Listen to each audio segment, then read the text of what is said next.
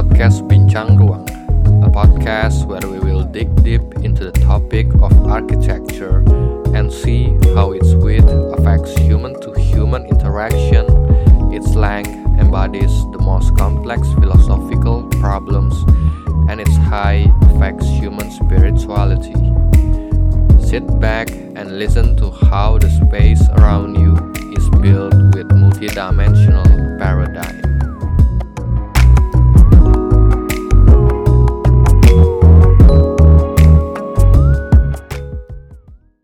Kembali lagi bersama gue Marco Martinez di podcast Bincang Ruang. Kali ini kita kedatangan seorang tamu. Ini pertama kalinya ketemuan langsung buat podcast ini. Eh, lu kenalin diri dulu lah. Halo, nama gue Dini Erlangga. Gimana, Eh. Den? Gimana, Den? Hah? Gimana, Den? Eh, kita udah lama temenan. Enggak sih, enggak udah lama. Kita cuma berapa tahun doang temenan. Anjir, lama cuy. Dari kuliah.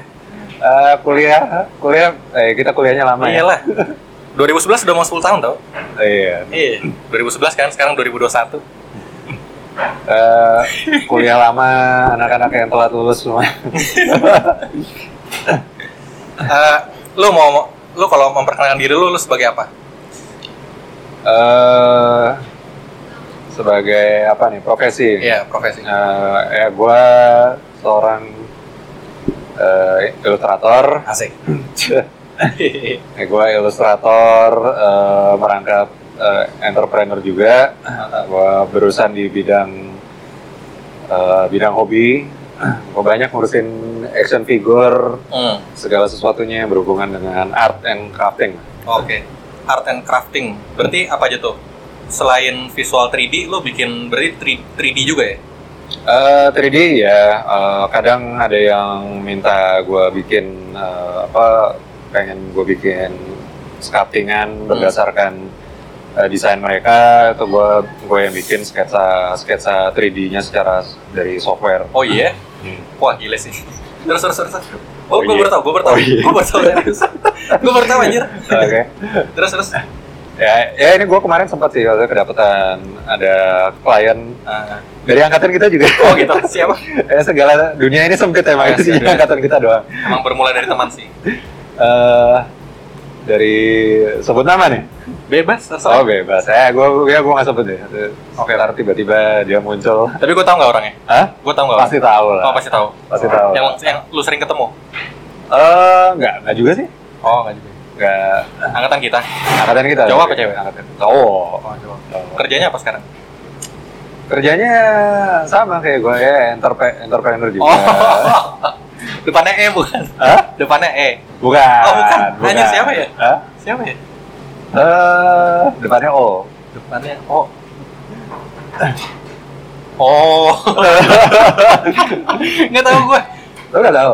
Satu geng nggak sama kita? Satu geng nggak? Sering ngumpul bareng? nggak. Anak mana? Bandung? Anak Jakarta. Oh Jakarta. Jakarta. Ya udah ntar coba gue tebak ya. Ntar gue dengerin ulang. Terus terus gua- dia dia bikin apa? Dia mau bikin eh, action figure Ah, ah. un- tentang pemain bola Indonesia. Oh. Nah, belum belum kebayang ya, Iya iya. belum kebayang. Gimana gimana gimana? Apa? Gue gue kemarin cukup ini sih cukup tertariknya karena dia mau mungkin membesarkan nama sepak bola Indonesia kali ya. Dia Hmm. yang kemarin dia minta ke gue itu karakternya itu pemain bola yang cukup cukup terkenal. Eh, katanya sih legend ya, legend, Oh. legend di Indonesia. Bambang Bambang Pamungkas. Oh, bukan, bukan. Namanya Oh, tuh eh, Rocky. Oh Rocky Gerung. Rocky.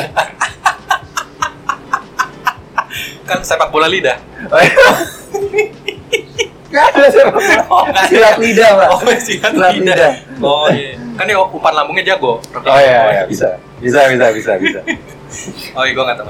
Kayak Rocky Rocky Putiari kalau nggak salah. Oh. Jadi gue juga juga nggak terlalu tahu. Gue pas pas gue lihat emang emang gue juga jarang Hmm. jarang lihat eh, ya sepak bolanya sendiri gue nggak begitu ngikutin tapi yang gue tahu kan standar standar lah ya Bambang Pamungkas Bambang Pamungkas Bambang Pamungkas Yang waktu itu siapa yang apa dari luar negeri ditarik ke dalam itu? Gonzales. Oh, ya, Gonzales. Gonzales, Gonzales. Terus ada satu Gonzales. lagi yang ganteng ya. Yang ganteng, Iya. Badim eh Badim. Ah, iya, Badim. Badim. Udah cuma itu doang sih. Ah, itu juga itu juga gara-gara infotainment. Oh iya. Kan gara-gara- Enggak, tapi dulu sempat sempat gede pas ini liga apa ya?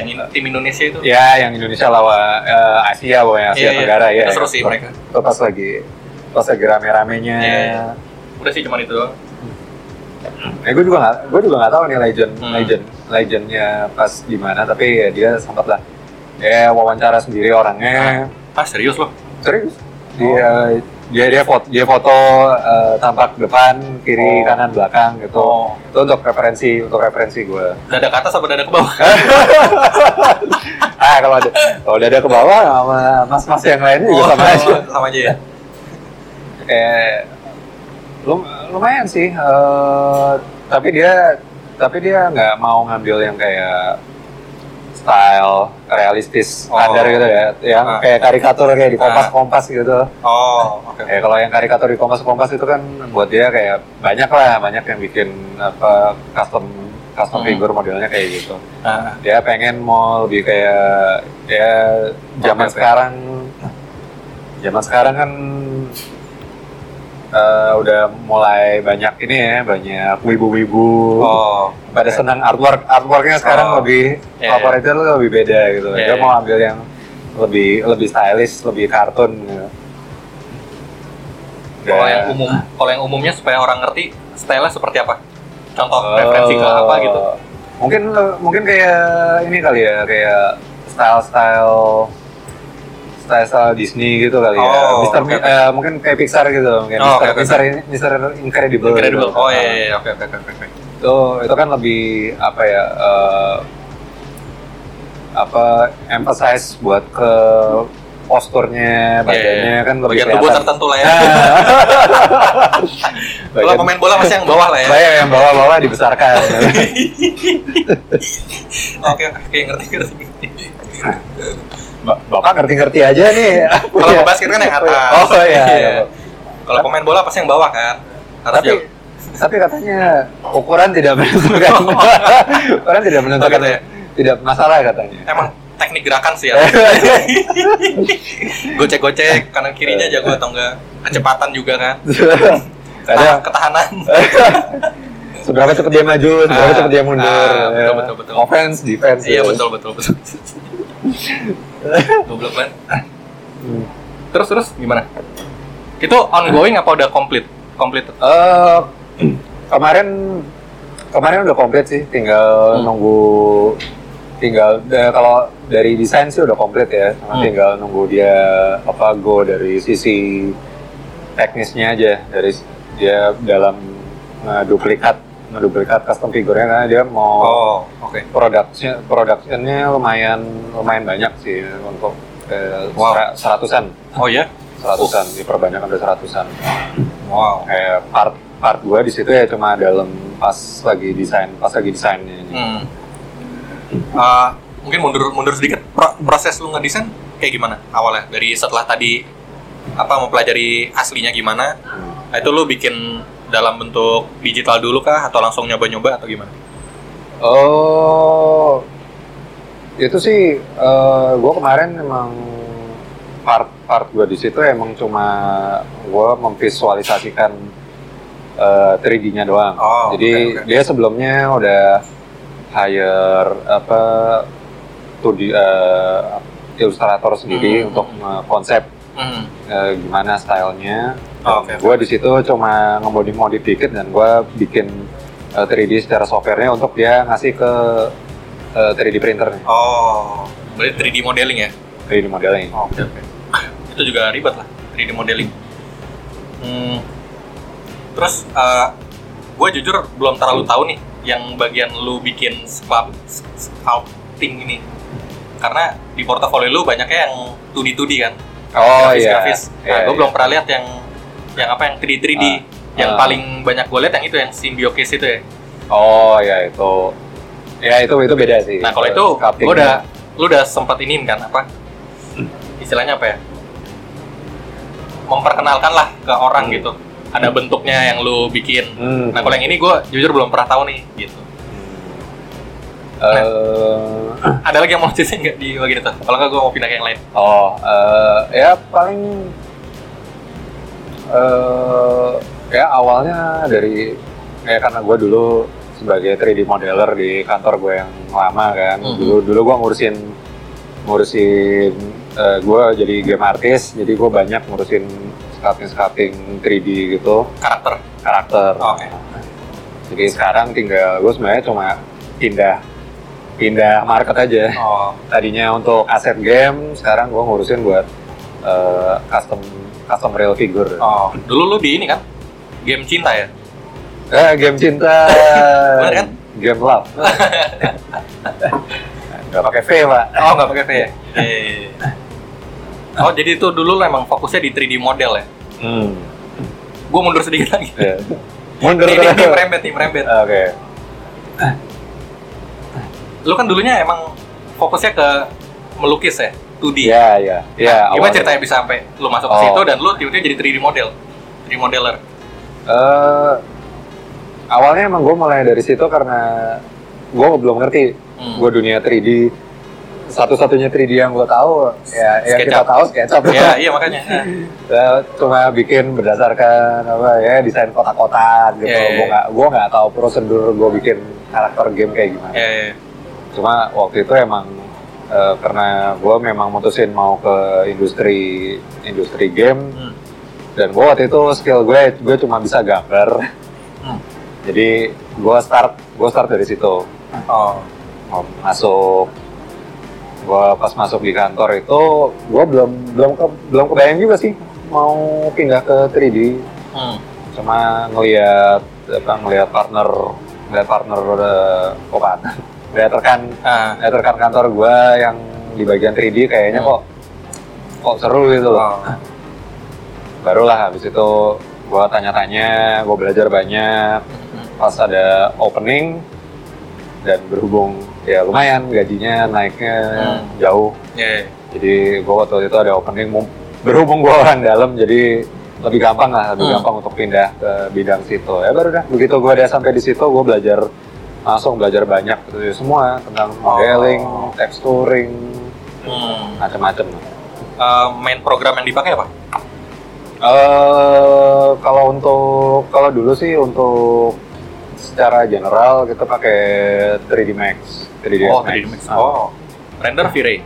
Re- enggak, kita render karena render kan beda. Kita biasanya Oh, beda. render kan Oh. ada en- eh, engine. Engine-nya kan kita real time, Oh, real time engine. real time.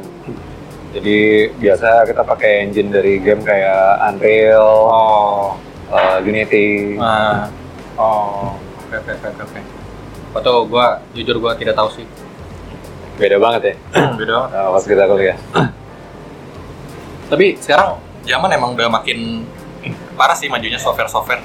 Hmm. Gua baru-baru ini belajar ini. Gua lagi kursus nih. Revit. Hmm. Ya, Nah, ya. gue baru tahu itu kan sebutannya BIM kan. Ah. Building Information Modeling. Ah. Jadi semua informasi mengenai bangunan itu ada di situ gitu. Nah dan gue baru tahu ternyata SketchUp itu termasuk BIM juga. Hmm. Tapi SketchUp itu BIM tiga dimensi. Sedangkan Revit, Archicad dan lain-lain itu 7D kalau nggak salah. tujuh. Iya 7. Jadi semuanya dibedah sampai dalam-dalamnya tuh kelihatan semua di dalam satu model. Oh, oke, oke. Jadi semua informasi mengenai bangunan itu di dalam satu model gitu. Oke. Itu Gua- gila sih. Gue udah sempet ngira ini universe sebelah mana nih. Eh, katanya dimensi keempat aja udah waktu nih, gue nggak tahu nih tujuh dimensi Itu, ketujuh iya sih. Gak tau, gak tau. Itu sebutannya gitu tapi. Eh. Nah, tapi gue belum mau mendalami juga. Maaf, maksudnya tujuh dimensi itu apa sih? Tapi katanya sampai tujuh dimensi gitu. Mungkin karena emang ini kali ya, apa dia fokus fokusnya ke bangunan ya? Iya, iya, bangunan. Tapi gue gak tau di bidang lu, tapi kalau di arsitek, eh gak tau sih ini sama lah kreatif. Hmm, ya ya. Lu takut gak sih kayak bidang kita tiba-tiba diambil sama program gitu? Karena secanggih itu program. Dan sekarang sekarang pun kita bergantung sama program. Tanpa ada program lu bisa berkarya. kan gitu kan pertanyaannya. Berarti sekarang udah kita 30% misalnya bergantung sama program. 70% skill kita. Lama-lama Ya, ya. 50% dipegang program. Kita cuma 50%. 50 50% yang diambil kita Hmm. kemampuan kita udah tinggal 50% nih. Lo ada ketakutan gitu? ya gue gue nggak gue nggak tahu sih ini ini sampai sampai untuk di sampai tahun kapan lah Ya, kalau kalau sekarang sekarang kan untuk untuk kayak orang-orang yang kerja sebagai 3D modeler itu kan zaman sekarang kan ada 3D scanner Oh iya? Hah? Iya. Jadi dia Oh, maksudnya scan 3D. ya Eh, dengan dengan alat dia nge-scan 3D itu sudah masuk di dalam di dalam digital. Nah, di, di digital tapi rata-rata itu kan karena dari scanner itu kan tidak nggak belum teknologi belum bisa seakurat itu Hmm. Mungkin bentuknya akurat tapi Ada Eh, detail-detail mungkin yang belum. iya karena kan struktur di dalam digital kan beda sama yang Hmm. aslinya ya kita berurusan sama yang namanya vertex surface Nah, gitu-gitu untuk untuk menerjemahkan dari hasil scan ke dalam software itu kan sekarang masih butuh sumber daya manusia. Ini sekarang ya. ah, se- sekarang selain selain desain ya kalau kalau desain menurut gua sih nggak nggak bakal ada matinya lah Oh. untuk mengkonsep sebuah desain itu. Cuma kalau Ya, yakin lu? Hah? yakin. eh cukup yakin sih gua Oh, oke oke. cukup yakin. Iya, iya. Bukannya sekarang logo udah banyak yang di internet. Oh di klik klik klik jadi ya? logo. Iya. generate logo itu. Ah, itu lima tahun lalu lima tahun lalu belum ada itu. Ya, eh, kalau ya kalau menurut gue soal desain yang di generate Eh. itu buat gue pribadi sebagai ya sebagai desainer juga sih Nggak ada soulnya. ya itu ya Nggak ada soulnya. bener nggak ada soalnya dan kan apa ya kita kita dulu belajar desain itu kan untuk untuk tujuannya untuk memecahkan solusi klien Hmm. ya ya mungkin ada klien yang solusinya terpecahkan Oh. dengan dia mengenerate Ya, generate logo itu ya Emang ada pasarnya kan? memang ada pasarnya yang kayak gitu tapi Nah. Untuk oh, untuk yang mungkin untuk market market yang atas harusnya nggak nggak mungkin lah itu Hmm. pakai generate dari situ untuk referen paling kalau gue bilang itu itu nggak ada salahnya juga sih Hmm. kayak berguna lah buat buat kita sebagai lah harusnya. ah, untuk mencari referensi Iya, gitu. iya, iya. Mungkin ada suatu generate yang di generate bisa kita ngeliat ya wah ini bagus sih model kayak gini Berarti lu nyontoh komputer dong. oh nggak nyontoh Oh, itu iya, referensi Oh. Iya, iya. Mantap, mantap. Iya, iya, iya. ingat, ingat kata dosen kita dulu tidak ada sesuatu yang baru di dunia Oh iya betul, tidak ada sesuatu yang baru di bawah di bawah matahari ya. matahari ya, Tadi gua sebenarnya kita udah pernah ngalamin ini tau dalam sejarah. Hmm. Dulu zaman zaman klasik. Ini sama nih arsitektur maupun seni sama klasik kan. Ya ya Klasik klasik dengan dia apa? Ya lukisan-lukisan kayak kayak apa sih namanya? Ya itulah yang realistis gitu-gitu, tau kan? oh Mona Mona Lisa Ya gitu-gitu. Sama juga arsitek juga dengan banyaknya apa? Bentar nih. Dengan banyaknya in a sense lebih banyak soul-nya, ya ya kan? Kemudian muncullah pabrikasi kan, ya pabrikasi. Mulai muncul namanya arsitektur modern, kotak-kotak doang pakai steel, pakai apa? Hmm. Mungkin kalau orang pada orang di zaman itu yang hidup di zaman itu, itu ngerasa sama kayak kita nih. Itu nggak ada soul-nya gitu. Suruh klasik dong yang ada soul. Hmm. Iya nggak sih? Kebayang nggak sih? ya kebayang kebayang Lukisan juga, lukisan juga mulai sama, geometris, garis lurus, tiga warna doang. Itu kan the steel kalau nggak salah yang Hmm. cuman merah, biru sama kuning kalau nggak salah. Nah sekarang di zaman sekarang teknologi dulu kan teknologinya masih berupa fisik ya, yang bisa dipabrifika, pabri, pabrifikasi. ya Sekarang udah mulai masuk ke digital yang bisa dibangun oleh digital. Hmm. Jadi udah semakin jauh nih teknologinya untuk menghilangkan soul itu. Ya, menarik nggak sih?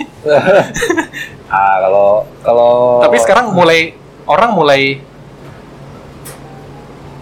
mulai muncul lagi pemikiran bahwa kita harus balikin soulnya lagi nih. ini ini sama aja nggak sih kalau menurut gua tuh kayak kita ngomong soal soal politik Hmm, untuk ke- kepemimpinan di suatu negara tuh Ya. ya lo tahu kan yang mulai dari monarki Oh, iya, monarki jatuh ganti ke oligarki iya, terus iya. Ke demokrasi dan Demokrasi terus oligarki gitu. lagi. Ah, ya, kalau kalau menurut gua siklusnya pasti selalu begitu. Oh, pasti. orang Iya sih, iya ya, sih. kita tahu kan prinsip dasar manusia. Manusia itu tidak pernah puas. Ya, ya, ya. Coba tanya istri Anda. Saya belum punya istri pak. oh iya, belum punya istri. Bagus, bagus. bagus. Jangan Oh, iya, iya. menikah, Pak. Oh ya siapa? Gak buru-buru kok. Iya sih. Berarti lu percaya ada sebuah siklus berarti? Kalau kalau bisa gua kalau bisa gua analogiin mungkin kayak bandel kali ya. Hmm. Kalau suatu saat begitu udah terlalu jauh ke kiri, berarti dia ada ada waktunya untuk stop dan dia balik lagi ke kanan. Oh, oke oke. Ini ini kita sama nih dalam hal ini. Nah, ya. Keseimbangan, keseimbangan, harmonis. Iya. Lu percaya itu di semua hal atau atau gimana? Em, Enggak juga sih, gue gue percaya itu berlaku untuk semua yang berhubungan dengan eh, unsur manusia lah. Oh. Ya, ya, setuju setuju. Alam, lu nggak percaya di universe ini ada sebuah keseimbangan yang berusaha untuk Eh, universe mencapai keseimbangan tersebut ya? Nah itu, ya itu gue yakin, gue yakin juga begitu sih. Hmm. Cuma eh, gue nggak bisa ngomong banyak soal yang itu karena gue bukan tipenya yang. Sih. iya, iya. eh, tapi tapi gue yakin loh, maksudnya ya ekosistem suatu saat bakal apa, menyeimbangkan dirinya sendiri. Hmm. Oke oke oke. Eh dalam hal ini kita sama lah. Nah, Gue juga percaya keseimbangan sih. Yin and yang. Gitu. di- Menciptakan sebuah keharmonisan antar kontradiksi. Ya. Nah, yang yang sebelah kiri nggak boleh beda sama yang sebelah kanan. ya, jadi sama. Seimbang. Ya, sudah. Harus sama ya besarnya ya. Besarnya harus Ya. sama. Tapi kalau cowok biasanya agak agak beda. Karena cowok kan nggak punya. ya. Oh, kalau kalau masalah itu itu nanti ada lagi analogi. Oh, ada lagi ya. Nah, katanya apa yang bikin manusia sempurna itu adalah ketidaksempurnaan. Oh. eh tapi in a sense gue percaya. Gak tau gue, lu nonton ini gak sih? Full Metal Alchemist? Eh, gue baca manganya. Oh, lu Gua baca manganya? Tapi gua Nah, di situ kan dibilang makhluk yang sempurna, perfect being itu perpaduan antara feminis dan maskulin. ya Makanya cowok dan cewek bersatu dalam pernikahan itu menjadi perfect being. Secara filosofisnya itu itu gue juga percaya sih. Karena pada dasarnya cowok dan cewek itu emang berseberangan sih, opposite. itu ya itu gue juga percaya. Lo juga percaya? Masih percaya kan? Ah, masih masih masih percaya. Biarpun justru justru karena pengal justru karena banyak pengalaman Oh, ya, gue gue mengerti banget gue Oke, siap, siap. cewek berbeda di mana. Iya, bagus bagus bagus. Itu makanya gue bilang tadi di mobil. Tapi emang nggak tau sih. Eh, ya gitu, lu dengerin Jordan B. Peterson. Itu kan dia bilang masculinity masculinity itu representasi dari order kan. Ya. Sedangkan femininity itu representasi dari chaos gitu. Dan gak ada yang jelek. Maksudnya bukan berarti feminin feminis itu chaos tapi jelek, nggak juga. Kalau terlalu banyak order kan juga jadi otoriter kan. Betul betul. makanya yang gue percaya itu in a sense bener karena cowok itu lebih thinking pakai logic betul. itu kan very order kan order banget ada runtutan dalam berpikir cewek itu chaos banget karena feeling apa yang dia bilang lima hari lalu belum tentu sama dengan hari ini gitu karena feeling dia mungkin berubah swing gitu Ini, ini, ini riset kan emang ya, bukan bukan curhat ya. ini. ya ada dua-duanya sih Waduh. tapi riset juga nggak bisa dibilang riset Oh, Saya- iya. belum belum tentu kebenaran ya Oke, tapi oke. yang gue perhatiin sih kayak gitu sih oke makanya gue percaya perempuan itu takut dengan ketidakberaturan di dirinya dia sendiri makanya butuh sosok yang stabil Betul. gue suka cowok yang stabil nah itu Oh, sekarang pertanyaannya gimana kalau cowok yang gak stabil? makanya cowok harus harus harus mengejar stabil Oh, gitu. tapi tapi gue nggak percaya stabil itu dalam financial doang nah ya. gue percaya dalam hal mental sih gue percaya itu makanya yang gue percaya itu dari pengalaman juga sih Benar-benar. memang nggak tahu sih perempuan tuh selalu ngeluh ini ini ini yang Hati-hati loh Pak, dapat email, dapat email dari feminis nanti Pak.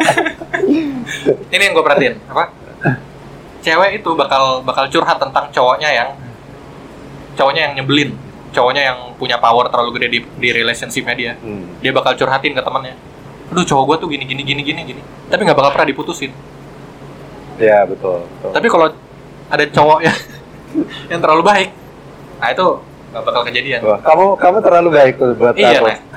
itu kayak gitu Iya iya. karena ada ada apa ya somehow dengan menjadi dominan tuh menunjukkan power. Dengan menunjukkan power itu menunjukkan order gitu. Nggak tahu sih tapi ya kesannya kayak ini banget sih? Patriarki banget sih. Patriarki? Ya kalau kalau gue bilang bukan bukan kata-kata. bukan- gimana kalau sudut pandang lu? Bukan pa- bukan patriarki bukan pat ya ya ada lah maksudnya unsur patriarki di situ. Tapi kan setengahnya karena memang sebenarnya patriarki itu kan memang mengambil dari sifat dasar alami cewek dan cowok pada umumnya. Nah, Hmm. gue bilang ya nggak bisa nggak bisa terlalu hitam putih lah. hmm nggak usah Karena ini kan bincang ruang ya, bukan Oh, iya. hitam putih. eh bisa rem tadi hitam putih yang itu dong Iya, yang Botak ya, itu, ya, yang botak-botak itu. Nah, Yang dulu dulunya pesulap loh, Pak. diperjelas lagi Saya dulu nonton di TV. itu gue sering nonton dia sih itu bagus Joe Rogan apa yang nonton dia kan Emang Tapi- eh, gue sering baca juga tentang ini apa? Apa ya? Evolutionary psychology. Apa tuh? jadi ilmu psikologis tapi dia ngambil ranahnya dari dari proses evolusi. Jadi di, di diruntutin kenapa cowok sikapnya kayak gini? Diruntutin dari proses evolusinya. Oh, Oh, cowok tuh begini oke. karena begini gitu. Nah sedangkan cewek diruntutin juga Ini, ini berhubungan sama itu ya, sama pas zaman dulu pas kita masih masa berburu dan lain-lain Iya, lah, iya, gitu, gitu. ya, ya. Nah itu yang tadi gue jadi kayak gitunya. Kayak cewek, cewek tuh lebih cenderung. Ini ini udah ada apa? Udah ada risetnya juga. Kan psikolo- psikologis itu percaya dengan teori five big five big traits kalau nggak salah. Jadi lima lima sifat manusia. Secara riset perempuan itu memang sifat agreeable-nya lebih tinggi. Lebih mudah untuk setuju gitu. Boleh kalau mens ya.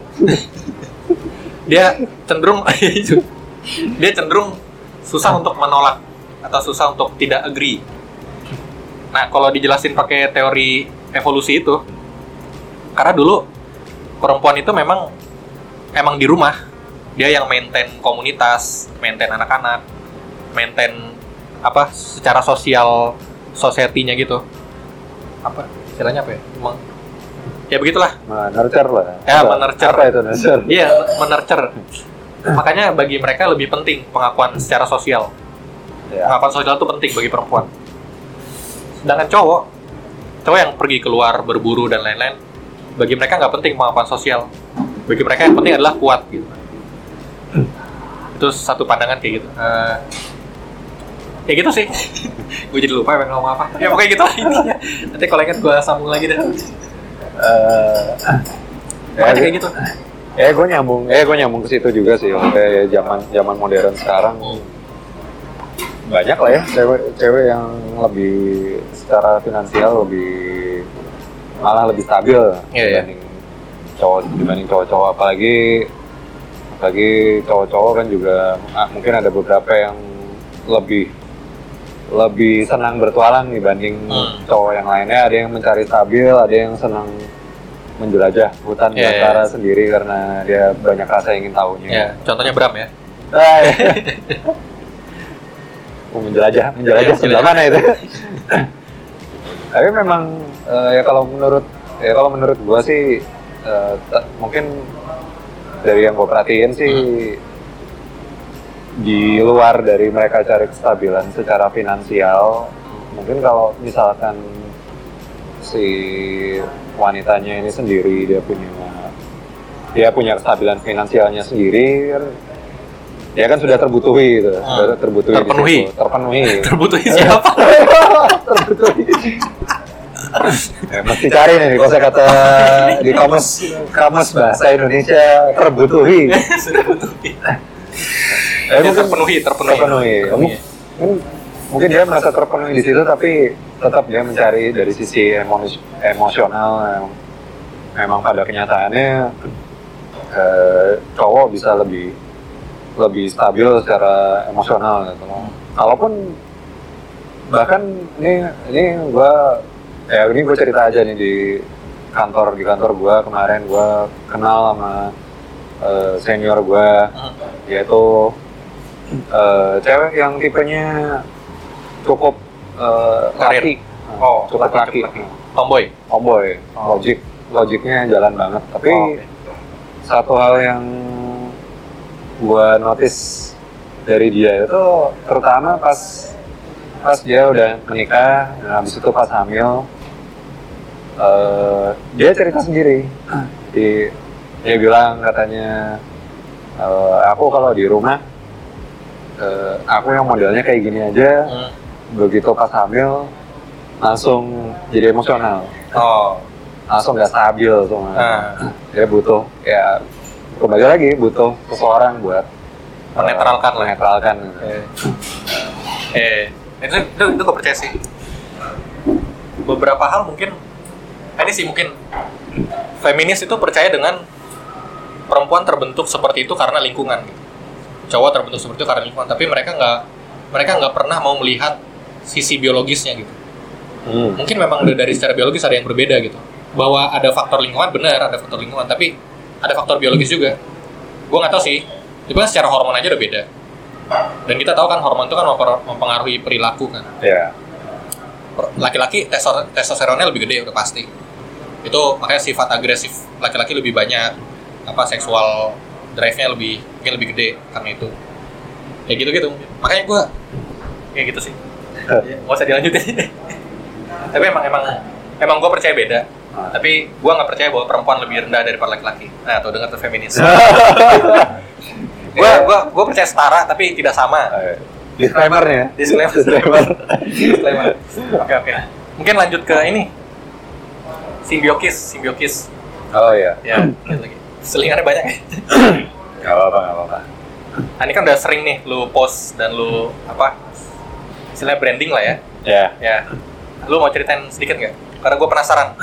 Em, ya simbiokis itu eh, kita bekerja di ah, nggak nggak nggak tepat kayaknya gue ngomong bekerja. Mungkin kita kita membuat suatu produk produknya itu yang marketnya tuh eh, niche banget oh, apa ya niche tahu iya, Indonesia maksudnya terbatas lah tapi ada Terpusat, ya. tapi ada terpusat ya terpusat, Terpusat. Ya. itu benar-benar apa mungkin kalau misalkan yang pendengar pada tahu eh, pada mungkin ada yang pakai juga karena mekanik yang namanya mechanical keyboard Hmm. itu sebuah sebuah keyboard yang keyboard custom Hmm. yang bisa apa ya bisa di custom semua sesuai sesuai ergonomisnya yang sesuai Oh. dengan cara cara user pas lagi ngetik gitu. Oh, oke oke Nah, dan apa jadi ada yang dan- ketika begini bisa juga ya Wah, bisa bisa Nengok Custom ke ya, custom ya, ya. eh, sambil tidur oh, oke. berarti emang full custom gitu ya Ya. sesuai kita gitu Ah, oke oke dan dan itu eh, ya seperti seperti juga halnya orang-orang semua yang di industri eksklusif pasti semua pada nyari value lebih lah value lebih dari sesuatu kan. Kalau terlalu praktis doang biasanya eh, ambar. Oh kehilangan jati diri ya. Nah, seperti rumah-rumah yang itu ya. Rumah-rumah yang sama semua. Seperti seperti developer yang depannya S itu. Oh. Udah lanjut lanjut lanjut, lanjut. Ini tolong dong nih podcastnya masih kecil nih. Oh ya masih masih kecil lagi nggak ada Eh, seingat saya bapak bapak dari Serpong ya? Oh iya saya dari Bekasi oh loh iya. Ya itu Serpong S kan? Eh, ya. Kita sepertinya punya developer yang sama ya. oh kayaknya beda yang di otak kita. Beda kayaknya beda deh. Oh, beda. Ya, wah, kepala saya isinya masih eh jadi. lanjut lanjut lanjut. Hmm. Ya, jadi eh, kadang-kadang kan banyak yang mau punya mobil mahal. hmm. Awalnya buat ya biar eh, lebih tahan lama, bagus, mesinnya lebih mesinnya lebih oke, interiornya lebih oke. Terus mereka nyari value lebih. Gimana kalau gua modif, gue pengen ada punya body kit, oh gue pengen kacanya eh, kacanya yang bagus, Hmm. bukan cuma kaca mobil biasa yang ada tulisannya drive thru McDonald.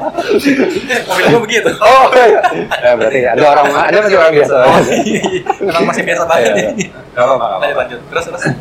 Eh, dan biasanya jadi orang mencari keyboard itu ada yang namanya artisan artisan keycap. Oh, artisan Nah, keycap. Nah, keycap itu eh, keycap itu tombol-tombol Tombol-tombolnya. ya? Oke oke. Ada yang namanya artisan keycap itu itu maksudnya adalah tombol tersebut eh, didesain eh, dengan dengan art Hmm. yang ya yang unik lah, Hmm. yang unik. Oke. Berarti emang didesain uh, fungsinya mungkin estetis berarti ya? Estetis. Oh, oke, oke. Dan kenapa orang mau? Oh, eh, banyak sih, banyak Banyak alasannya. banyak alasannya. Ada yang karena pada yang pertama yaitu eh, estetika, Hmm. dan kedua eh, mungkin prestis. Jadi kalau misalkan di lingkungan orang-orang yang menggunakan mechanical keyboard itu biasanya mereka juga ngerti lah industri industri industri simbio ini yang sa- yang sama lah, yang sama kayak simbio ini mereka tahu mana yang eh, ya top top tiernya lah Oh. top tier yang bagian atas atas itu Ah. Ya sama lah kayak misalkan cewek-cewek pada mau beli punya tas Ah, udah tau lah merek atasnya. ah merek atasnya tiba-tiba Oh. pas ngeliat ada oh ada Gucci Ya, ya, ya. ada Dior atau Oh, apa jadi prestis juga bisa dan ketiga eh, ini bahan sebagai bahan collectible juga Hmm. jadi eh, ini cukup ya ini eh, cukup umum lah kayak pengetahuan cukup umum bahwa kalau punya artisan keycap itu harga harga yang dibeli dan harga aftermarketnya itu beda banget Oh, beda berarti banget investasi juga ya? hmm Ya, ya si kolek collectible. collectible Ya. bisa lebih mahal sama kayak misalkan punya action fig- action figure mungkin ada yang ada yang udah udah ngumpulin nih satu satu seri satu seri anime dia udah punya semua Hmm. tinggal satu karakter yang dia belum punya nah biasanya dia ada yang oke lah gue beli gue beli seberapa pun harganya gue kasih karena banyak banyak yang banyak yang beli eh, dapat artisan keycap itu dia jual lagi ada yang Oh. memang memang dia mau jual lagi Ah. bukan untuk kepuasan pribadi Oh, oke oke oke. Hmm. Menarik.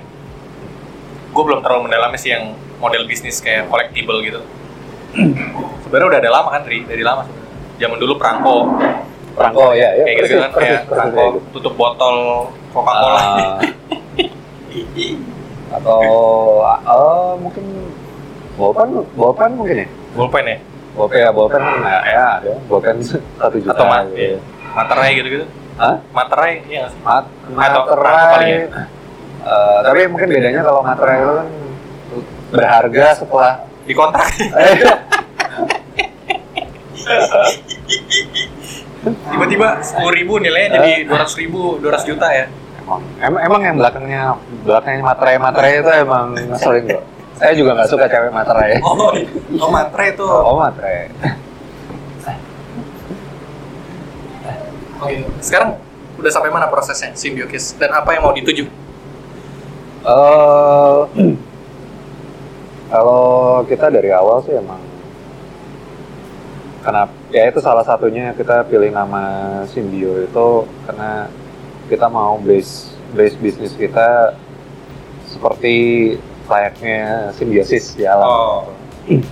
Jadi kita kita nggak akan nggak kita lebih men-include sesama mungkin sesama apa sesama keycap maker yang lain Oh. kemudian dia kita juga dalam bisnisnya juga mungkin nanti akan banyak eh, banyak ngembangin sayap ke kiri kanan supaya bisa jadi nah, bisa mengkomplementer lah satu sama lain Hmm. dan sekarang progres kita progres kita sedang mulai membuat eh, satu prototipe prototipe pertama jadi emang dari dari kemarin eh, karena memang kita ini industri yang kurang dikenal, jadi Iya, kita nggak dapet eh, informasinya juga eh, mungkin banyak di YouTube, tapi terkadang teknik-teknik yang Oh. cukup kompleks gitu kita mesti belajar sendiri kita mesti coba sendiri atau kadang malah mesti bikin eh, mikirin konsep sendiri dan produksinya itu memang lebih eh, cukup ribet lah. Jadi banyak makanya kemarin sedang lagi proses eh, R&D jadi kita banyak banyak eksperimen ini. Eksperimen itu materi dan kita banyak nyoba material dan bahan. Dari mulai dari scrap mulai dari scrapnya sampai kita produksi resinnya itu banyak lah banyak eksperimen dalam situ sampai kita sekarang baru siap untuk uh, launch prototype pertama Oke, oke. Oh, udah mau siap berarti ya?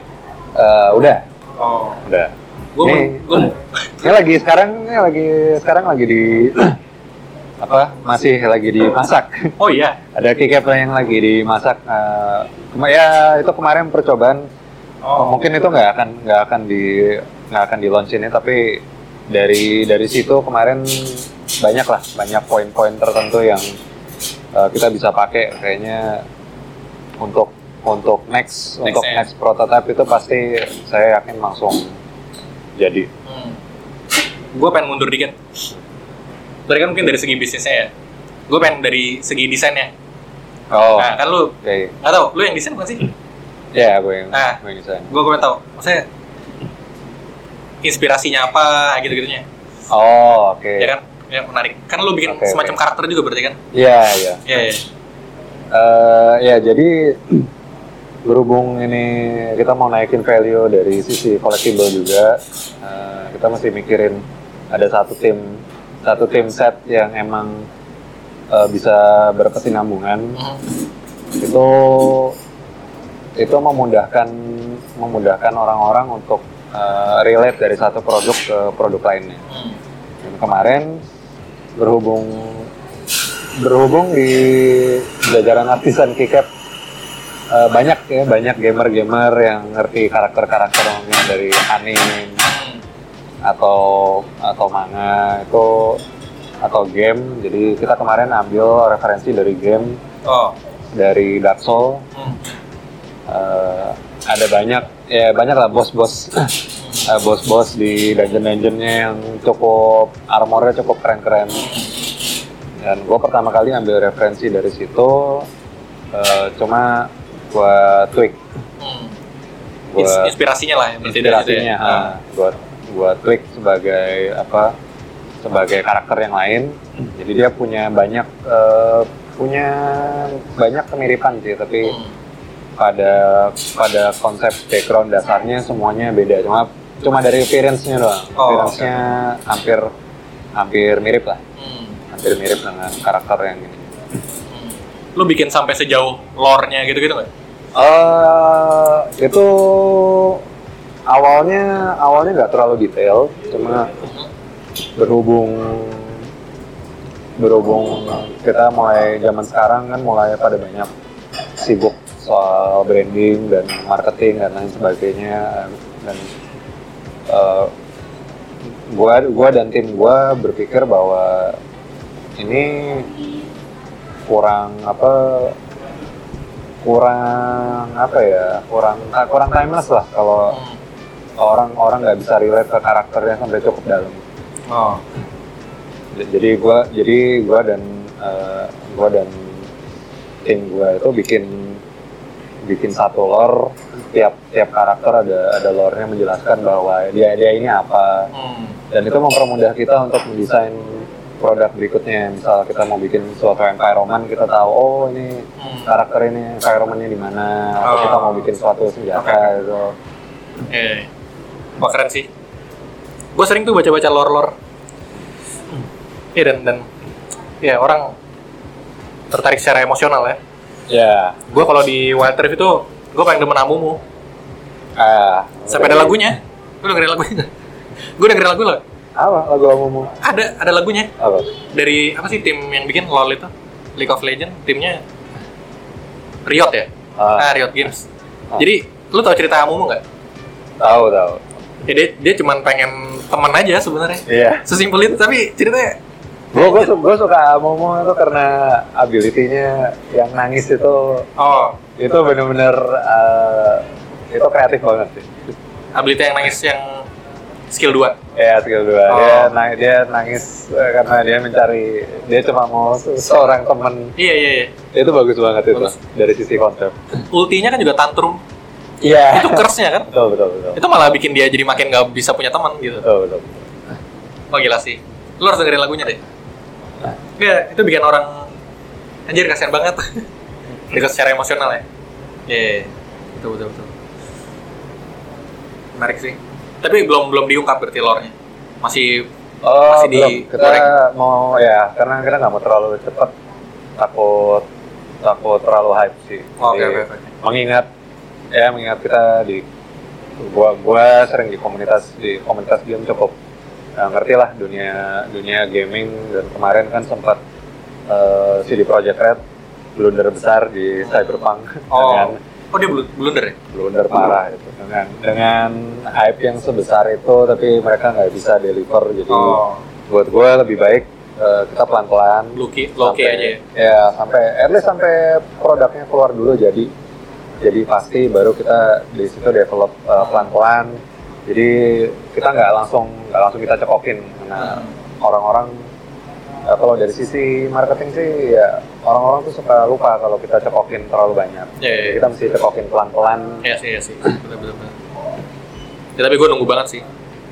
Sepertinya menarik. Lore-lore-nya. Mungkin kalau ada yang mendengarkan, ini pendengarnya paling cuman berapa sih? 10 paling.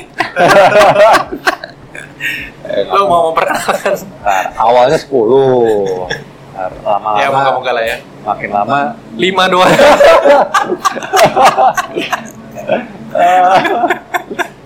Aduh, sedih gue. ala, Tapi lo uh, mungkin kalau orang pengen follow atau pengen cari lebih tahu lebih banyak tentang ini, lo mau ini nih. Eh, mungkin nanti eh, follow aja di Instagram. di Instagram namanya tolong dikat habis ini Sok sok. Jadi kalau ada yang mau nyoba lihat biarpun sekarang belum ada produknya ya, baru ada dua ya baru ada dua post tentang teasing karakter yang pertama ini ada di at at Sindio pakai y dot is Yes. Y-nya di depan ya, SY. y nya di depan Ya, ntar. Sim BY Simbio. Oke oke, siap siap. Itu lumayan menarik sih. Gue kemarin juga ngeliatin. Itu sejalan sama, kayak dulu lu pernah juga bikin project yang mirip-mirip di Instagram. Yang lu mau bikin cerita juga, cerita bergambar.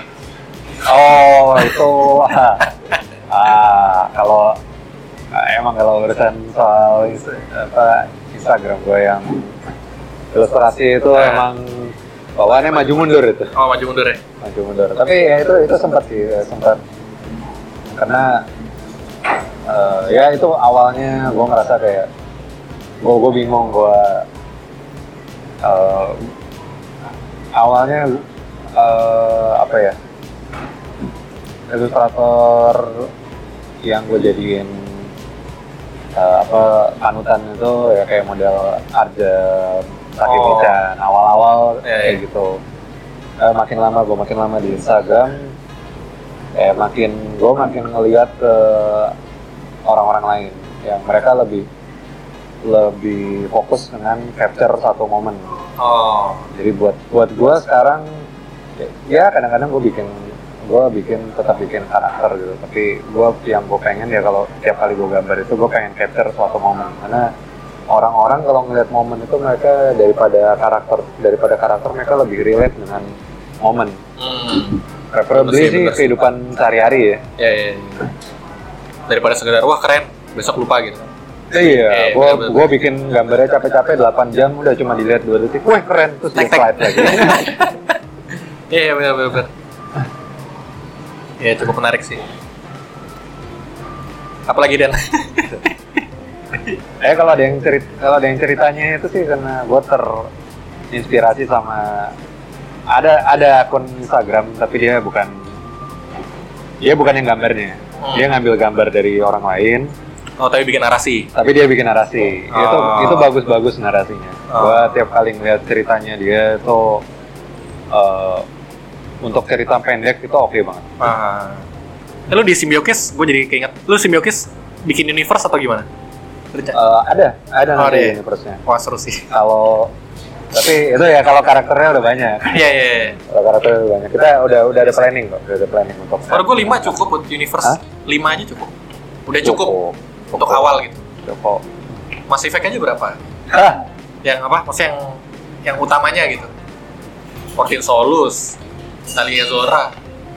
Banyak lah Banyak ya? Tuh Garus Garus mulai Garus. dari opinionnya aja Iya iya sih. Garus Miranda Tapi yang Mass Effect 1 yang utama cuma berapa? oh iya ya itu kan cukup buat the OG Iya, The original OG. kan. Kayak cuma 5, 6 nggak nyampe 10 lah. Yang utama yang membentuk membentuk emosionalnya ya. Menurut gue cukup sih. Tapi Bisa lah, sampai bisa lah. sampai terakhir sampai terakhir ya masih Effect 3 ngeliat karakter yang pertama baper kan Oh iya, baper ya. baper Iya, parah. itu udah lebih jauh.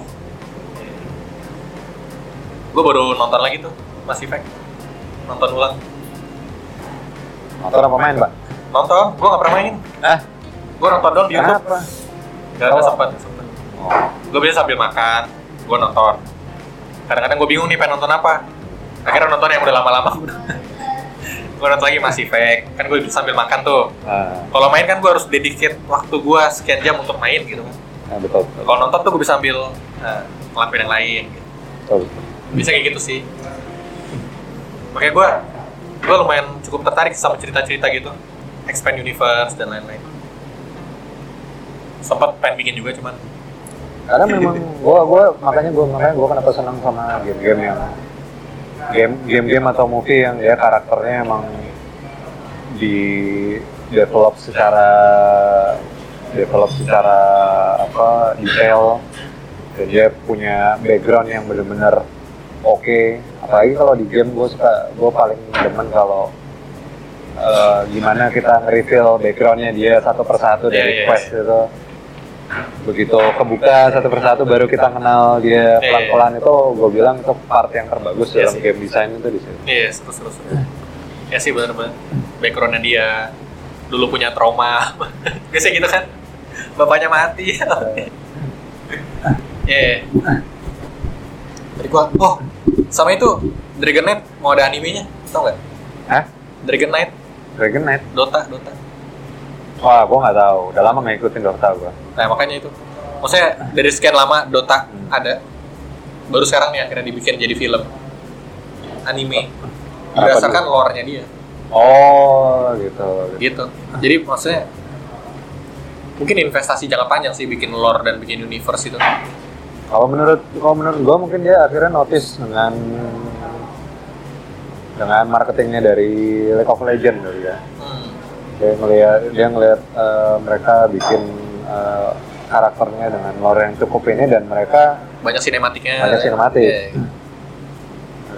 eh Dota mati sih karakternya ah, terlalu terlalu ribet sama balancing ini Iya, iya, itu sampai lupa sama unsur lain gitu.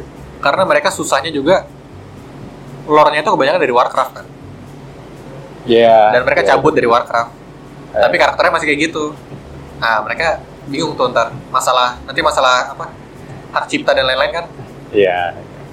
kan Dragon Knight, Queen of Pain itu kan semua dari ini Warcraft semua Benar benar benar. lore-lore-nya. Sedangkan lo kuatnya di karakter karena mereka bikin original. Benar benar benar. Kayak LoL itu karakternya bagus-bagus ceritanya.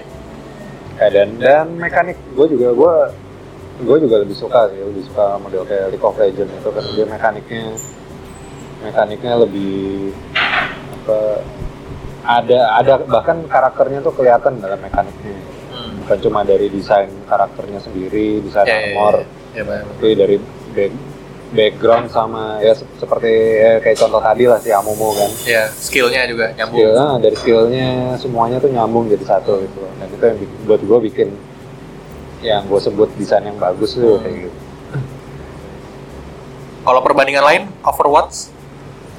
Overwatch tuh Overwatch. salah satu yang lore-nya juga lu main main gak sih? Overwatch ya, Overwatch menurut gua Lore-nya tuh gila sih menurut gue ya. menurut gua oke. Tapi kenapa dia nggak tahu menurun atau gimana? gitu? Eh, mungkin karena dari kalau yang itu mungkin dari unsur gameplay kali ya. Gameplay ya, Gameplay. Community. Hah? community.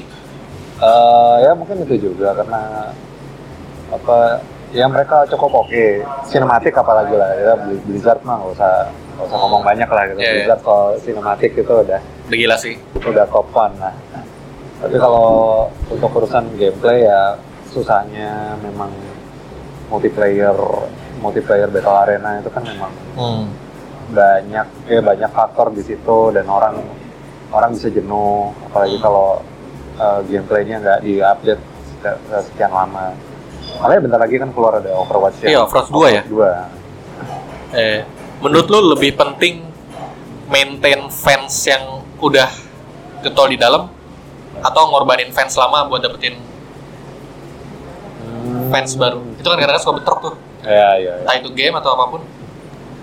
Eh, ya kalau menurut ya kalau menurut gua sih dari ya dari sisi bisnis ya dari sisi bisnis gua bilang nggak ada salahnya sih ngorbanin Hmm. fans lama. Fans lama biasanya mereka ya kejebak nostalgia doang sih. Oh, ntar juga pada Balik pada lagi. akhir-akhir ya. Kayak ya kayak kayak ngambek ngambek aja bentar. Hmm nggak mau ah. Terus habis itu nengok bentar oh peluk. Eh gitu lah kayak kayak anak-anak kok Iya. stalking stalking sebentar terus habis itu balik lagi karena kalau kalau developer game dia mau maju ya intinya inti pertama dia harus membesarkan komunitinya karena Hmm. kalau komunitinya sedikit yang main sedikit mereka nggak bisa sih. berkembang ke mana-mana nggak dapet untung. Eh, apalagi ya? Gue ngeliat post, gue ngeliat post lu yang terakhir, Ah, 500 Days of Summer. oke Gua nggak baca nih arahnya mana. Enggak, kita bahas film dulu. Bahas Nah, film gitu. dulu. Oh, kita bahas film. Bahas film. Oke. Soalnya nih film yang yang apa? Yang patut untuk didiskusikan. Menurut tuh di film itu siapa yang salah? Si cowoknya apa ceweknya? Gue lupa namanya. Si ceweknya siapa sih? Eh, Summer, Summer. Si cowoknya? Tom. Ah, Tom. Menurut Jangan, lu? jangan tanya kenapa gua hafal. Oke. Enggak, gue juga gue juga relate. Oh, gue juga iya. relate. Oke. Tapi menurut siapa yang salah? Gue bilang eh dua-duanya salah. Kalau dia salah. Dua-duanya salah. Ken- Kenapa? Eh kalau dari gua pendapat gua sendiri ini dari Summer kesalahan dia adalah dia dia tidak eh dia tidak menegaskan Hmm. gue gue bilang cukup egois lah cukup egois dia karena untuk kebutuhannya dia dia menginput si Tom dalam kehidupannya dan apa hmm, gue gue nggak bilang itu memper- mempermainkan sih tapi Tapi cukup mempermainkan ya. eh, kalau gue bilang mempermainkan tapi ya itu ini terkait dengan kesalahannya si Tom juga Oh. karena jadi sebenarnya kan intinya Summer ini kan udah bilang dia dari awal kan Gak mau hubungan. Eh, gak mau. cuma iya. kita cuma teman Ya, cuma teman. kita cuma teman Teman tapi mesra, TTM lah ya. eh, ya kesalahannya itu ya itu memang ya ini kesalahan semua orang yang bilang mau jadi teman tapi dia Mesra, menginclude ya Perasaan. menginclude perasaan di dalam situ nggak nggak- ya sebenarnya nggak apa-apa sih include perasaan tapi asal ngerti gitu loh sebagai ya sebagai lo orang dewasa yang bertanggung jawab ya ada ada batasan-batasan yang mesti lo tempatin di situ. Nah kalau nggak ada ya jadinya ya kayak ya kayak begini gitu loh. Lo mau mau bubar susah mau bu- bubar susah karena memang sebenarnya tidak pernah termulai juga. termulai. Tapi mau maju juga sebenarnya Summernya kan merasa ya Tom ini bukan seseorang yang dia Iya. mau. Dan kalau gue bilang bagiannya si Tom ya kesalahannya dia ya dia tidak bisa maksa ya Hmm. dia dia memproject memproject apa yang dia mau tanpa dia melihat realitanya Summer sebenarnya dia hubungan mereka tuh seperti apa Hmm. ya, memang memang ya memang bakal jadinya kayak Nggak, gitu. nggak ketemu ya. nggak ketemu banget Iya. Tapi gue notice satu hal lagi yang dari Tom. Karena di sepanjang film Summer tuh selalu selalu pengen Tom ngikutin passion dia buat jadi diri dia yang dia suka Hmm. which is jadi arsitek Hmm. Summer tuh sangat sangat enjoy momen ketika dia bareng Tom di taman duduk bareng yang dia ngebahas arsitektur Oh iya. karena dia bisa lihat itu passionnya Tom sebenarnya dan dia selalu pengen Tom lu ikutin passion lu loh jadi arsitek gitu. tapi Tom nggak berani nggak berani ke situ dia tetap jadi yang apa tukang kartu. Tukang kartu. masih penulis penulis gift card kita. menurut gue salah Tom di situ juga karena dia itu sih kalau Tom misalnya dia tiba-tiba bisa ngikutin passionnya dia menurut gue kejadian menurut gue ya Oh, enggak. Enggak juga lah. Enggak juga ya? Contoh, contoh lah misalnya lu apa ya? Kayak kita as a friend. Iya, iya. Friend loh ya. Yes, oh yes dari awalnya sih ya. Iya, ditekankan dengan baik as a friend. Iya, iya. Ya, lu lu kan juga pasti mau yang terbaik buat temen lu lah. Iya, Kayak iya. temen lu ngejalanin kehidupan yang eh, maksudnya yang half half life gitu kan lu juga Hmm. nggak kepengen ya lu pengen temen lu tuh lebih tapi ya bukan gue bilang bukan berarti terus kalau dia jadi kayak gitu dia jadi arsitek terus bakal Oh, bakal mau. jadian, bakal mau juga Iya. apalagi gue bilang gue bilang lebih parah lagi kalau misalkan si Tom ini pengen dia mau jadi dia jadi arsitek demi Demi Dapat-. Menurut gue jangan demi. summer nah harusnya kan demi dirinya sendiri Iya ya. betul. Itu yang gue percaya. Harus Iya. apa ya? Secure dengan diri sendiri kan. ya Iya. pilihan hidup memang pilihan kita gitu loh Iya. bukan lu jangan lu memilih karena orang lain Iya, iya. asik. Tapi kan bedanya pas dia terakhir si Tom ketemu si Spring ya? Apa sih? ya ya Siapa sih nama musim juga tuh? oh, Tom Ah, Tom ya. Dia udah in in zone. Si Tom tuh udah in the zone. Saya udah udah nemuin dirinya dia gitu. Sampai akhirnya dia ketemu si itu kan. Dan dia lebih punya keberanian buat nyamperin pada saat itu. Ya makanya kan cerita tentang Tom menurut gue. Not a romance film, tapi lu- tentang lo percaya nggak kalau misalkan si Tom sama Autumn ini tidak ceritanya bakal kembali jadi kayak Summer bisa jadi, bisa jadi bisa jadi. Tapi nggak masalah sih. Menurut gue ketika lu udah secure sama diri lu, itu nggak bakal jadi masalah lagi. Justru ini perjalanan si Tom untuk menjadi dewasa. Nah ketika nanti sama si Autumn dia begitu lagi, menurut gua nggak masalah bagi Tom.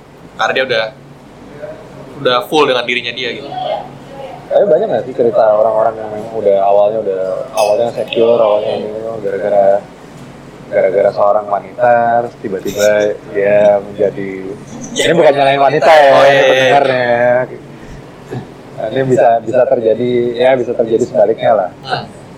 Jadi ya, ya anggap aja lah kita anggap seseorang. Seseorang ya, ya. dia udah secure sama dirinya, oke terus dia ketemu sama orang lain terus dia jadi apa ya? eh, mu- mungkin kalau menurut gua apa karena mungkin kalau kita menerima orang lain ke dalam hidup kita kayak kita membiarkan diri kita menjadi rapuh. Oh, itu gua nggak, eh gua nggak tahu sih. Gua belum tahu.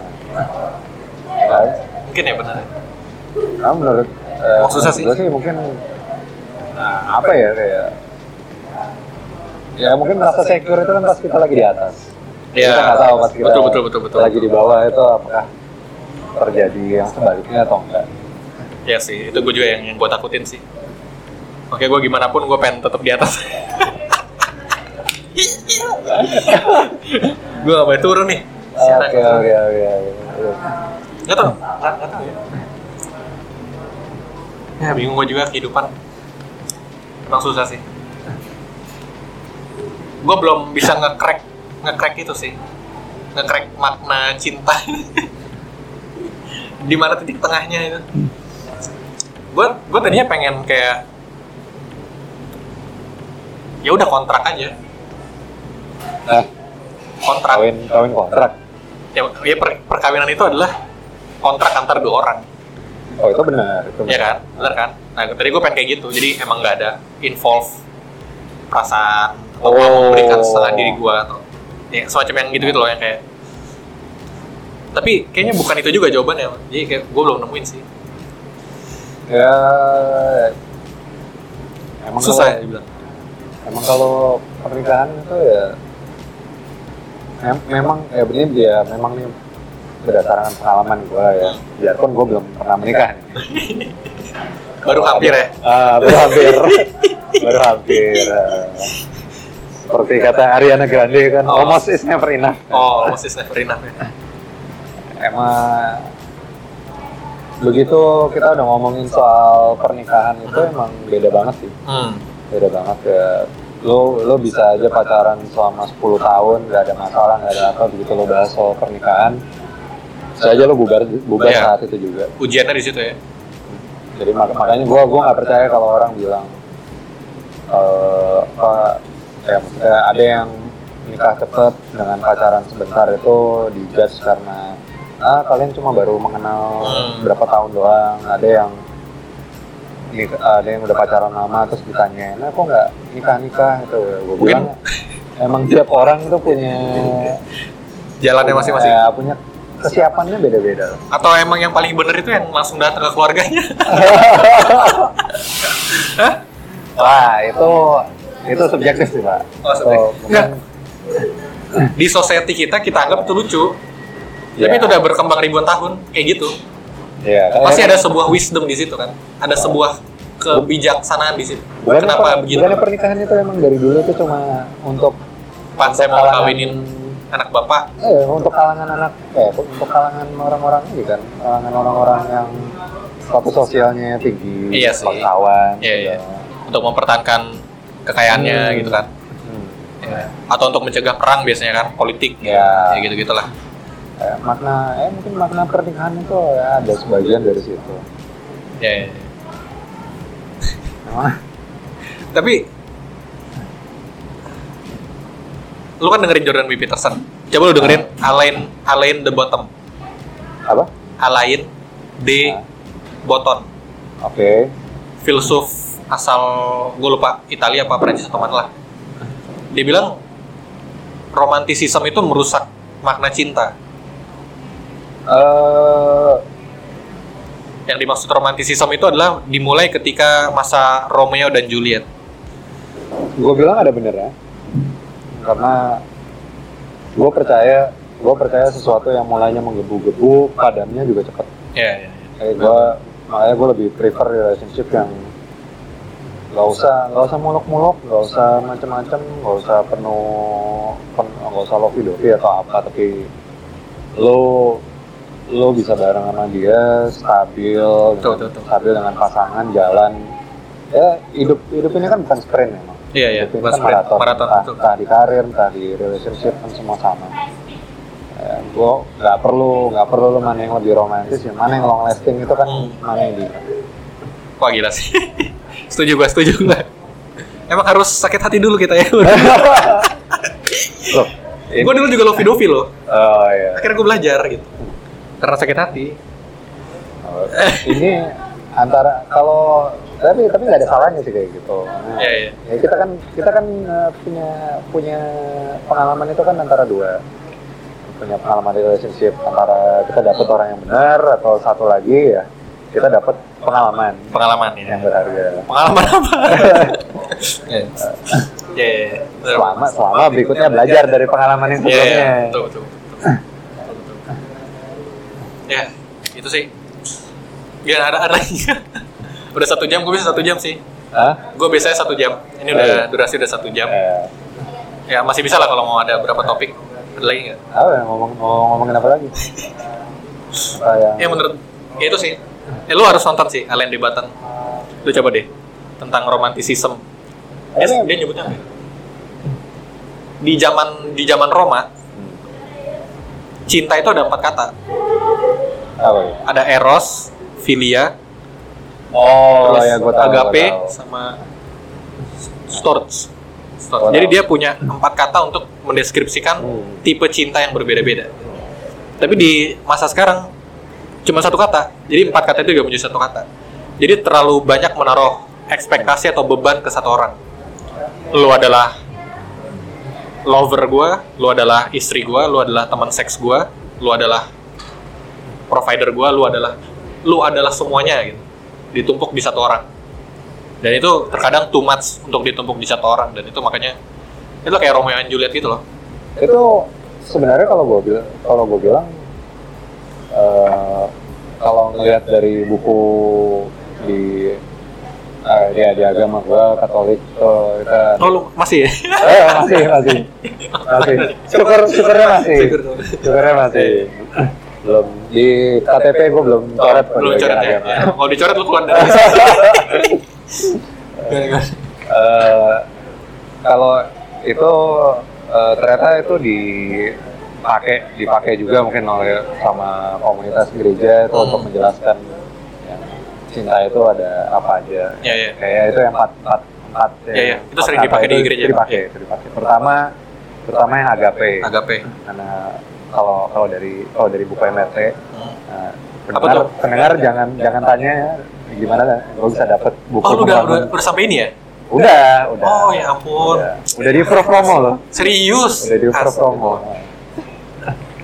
nah, tanpa tanpa terlalu personal coba aja Eh, ya kalau yang paling di ini nih pa- paling ditekankan sama pas lagi proses ya pas lagi kursus membangun rumah tangga itu ya itu cinta yang agape itu loh. Jadi cinta yang tanpa syarat. iya iya iya Jadi lu, lu ap- eh, pokoknya apa pun yang lo lakukan gue akan tetap cinta sama lu. Hmm. Ya pun menurut gue itu cuma berlaku kalau dua-duanya melakukan hal yang sama. oh Kalau satu doang yang melakukan itu gue bilang bodoh. iya sih iya sih iya sih Jadinya kebodohan gitu. iya iya betul betul, betul. Dan gue bilang eh memang lo bilang roman romantisme itu merusak hubungan ya eh, ada benar ada benernya juga. Hmm. karena ya ini romantisme secara konsep kayak di film-film ya. Iya kayak di film yang lagi kerja tiba-tiba cer bangun dari kerja.